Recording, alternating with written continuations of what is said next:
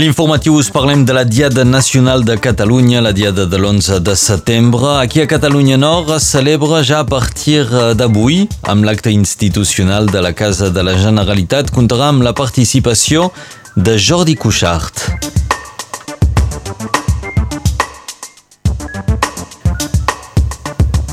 Retencions a l'autopista AP7 des de l'aixecament de les barreres. L'autopista és gratuïta i en alguns punts doncs, hi ha cues als antics peatges. La Generalitat demana al govern espanyol que els retiri immediatament.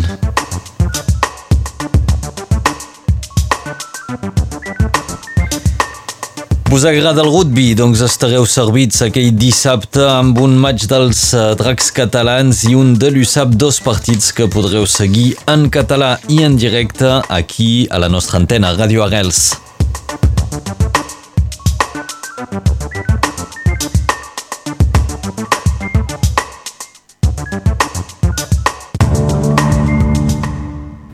El CIOCAT, el Sindicat Intercomunal per la Promoció de les Llengües Occitana i Catalana, ha convidat el diputat Pol Molac per una visioconferència coincidint doncs, amb la data de l'11 de setembre. Pol Molac és a l'origen de la llei a favor de les llengües regionals votada el mes d'abril i des de llavors intervinguda pel Consell Constitucional. Pol Molac eh, ell participarà demà en aquesta videoconferència a l'espai Gavroche d'Elna a les 5 de la tarda.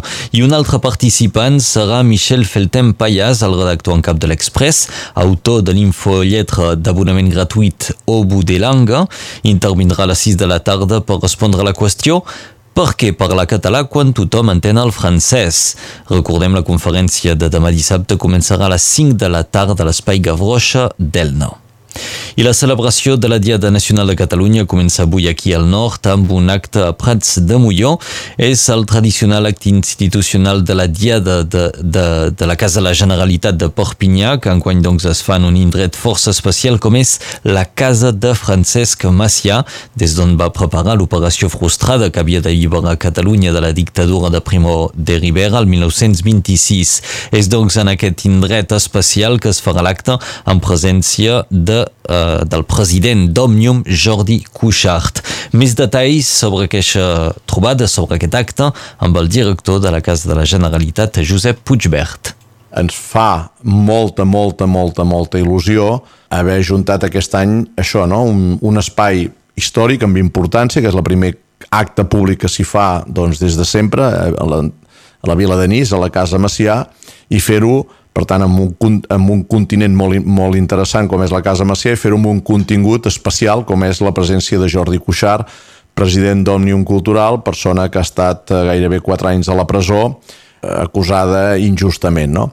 El dia que vam poder concretar l'avinguda de Jordi Cuixart, la participació de Jordi Cuixart en aquest acte doncs, va ser un motiu de molta alegria i satisfacció perquè era juntar, doncs, pensem, un espai potent amb un personatge molt potent com és en, en Jordi Cuixart. Jordi Cuixart vindrà, el que passa que potser per la pluja no podrem fer la Casa Macià i haurem de fer la sala sí. del cinema, però bé, la simbologia és la mateixa. Són paraules del director de la Casa de la Generalitat de Perpinyà, Josep Puigbert. L'acte previst avui a les 5 de la tarda començarà amb la benvinguda del ball Claudi Ferrer. Intervenció també de Josep Puigbert i de Jordi Cuixart. L'acte serà animat per la música i el cant improvisat a càrrec del grup Cor de Carxofa. I la Diada Nacional de Catalunya serà un dia fort de mobilització als carrers de Barcelona. L'acte de la Diada, organitzat per l'Assemblea Nacional Catalana, començarà demà a les 5.14, és a dir, a les 17.14, a la plaça Urquinaona i acabarà davant del Parc de la Ciutadella. La manifestació arriba tot just quan el Consell del Govern de la Generalitat d'aquest dimarts ha decidit eliminar les restriccions decretades per pandèmia que afecten drets fonamentals. Per això la manifestació de la Diada es podrà desplaçar sense problema. Recordem que les manifestacions no estàtiques estaven prohibides fins ara. Les noves mesures del govern català també posen fi a la limitació del nombre de persones en trobades socials o familiars. També acaba la limitació de l'aforament del 70% als centres de culte que afectava doncs la llibertat religiosa. Des de l'aixecament de les barreres a l'autopista P7, que ha passat a ser gratuïta, s'han format moltes retencions als, als peatges en els darrers dies. La Generalitat no vol que es tornin a repetir aquestes llargues cues i per això exigeix a l'estat espanyol que acceleri la retirada dels peatges. La previsió és que les obres de desmantellament d'aquests peatges durin sis mesos, ja que està previst que comencin a finals d'any i no acabin fins a la primer, al primer trimestre de l'any vinent. La Generalitat no vol esperar tant i reclama que es retiri almenys la meitat de les infraestructures de manera immediata. I el Servei Català de Trànsit prohibirà la circulació de camions de gran tonatge per l'autopista P7 els diumenges del mes de setembre. La mesura s'estableix per reduir la intensitat de circulació a causa de la gratuïtat dels peatges.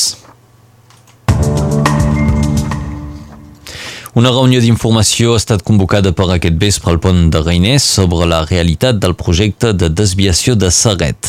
El projecte fa polèmica per l'impacte paisatgístic, però també per les conseqüències sobre les terres agrícoles i per la despesa que representa. Concretament, la voluntat és de connectar la departamental 115 i la departamental 618 amb la construcció de dos ponts i de tres giratoris. El debat d'avui s'organitza és organitzat per l'associació Viure Bé al Vallespí començarà a les 8 del vespre al Teatre de Verdura del Pont de Reiners. I el caçaire desaparegut a les Alberes des de dissabte ha estat retrobat mort al terme municipal de Sureda. Segons els primers elements, l'home hauria mort per causes naturals. No es descarta que es pugui demanar una autòpsia per aclarir aquestes causes de la mort. Una investigació ha estat oberta pels gendarmes. Ryanair tornarà a proposar vols aquest hivern des de l'aeroport de Girona. La companyia irlandesa proposarà set destinacions, la mateixa xifra que tenia l'hivern del 2019, just abans de la pandèmia. A partir del mes d'octubre, doncs, Ryanair connectarà Vilobí d'Unyà amb Dublín, amb Pisa, amb Cracòvia i Londres. A partir del desembre s'hi afegiran també les destinacions de Karlsruhe-Baden a Alemanya i de Bruxelles-Charleroi a Bèlgica, però també Budapest, a Hongria.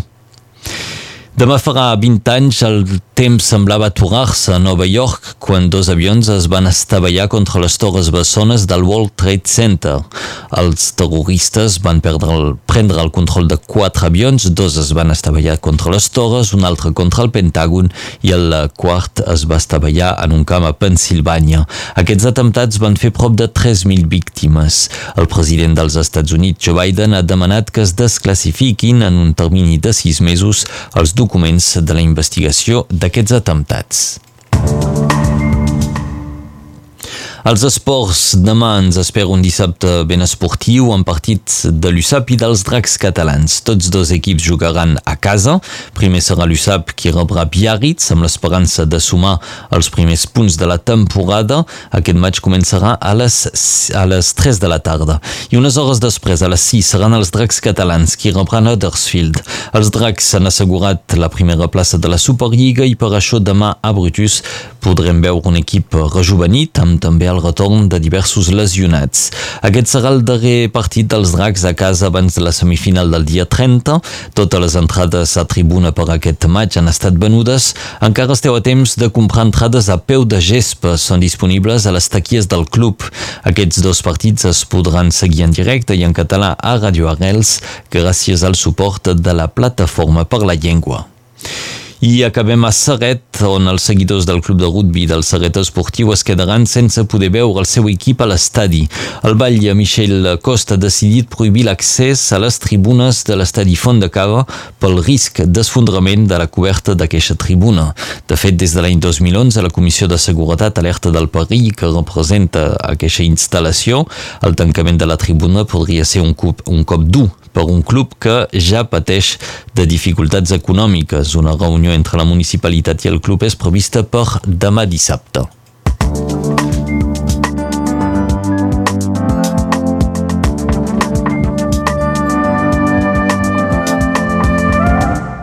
Quin temps tindrem avui la resposta ara mateix amb l'Enric Balaguer.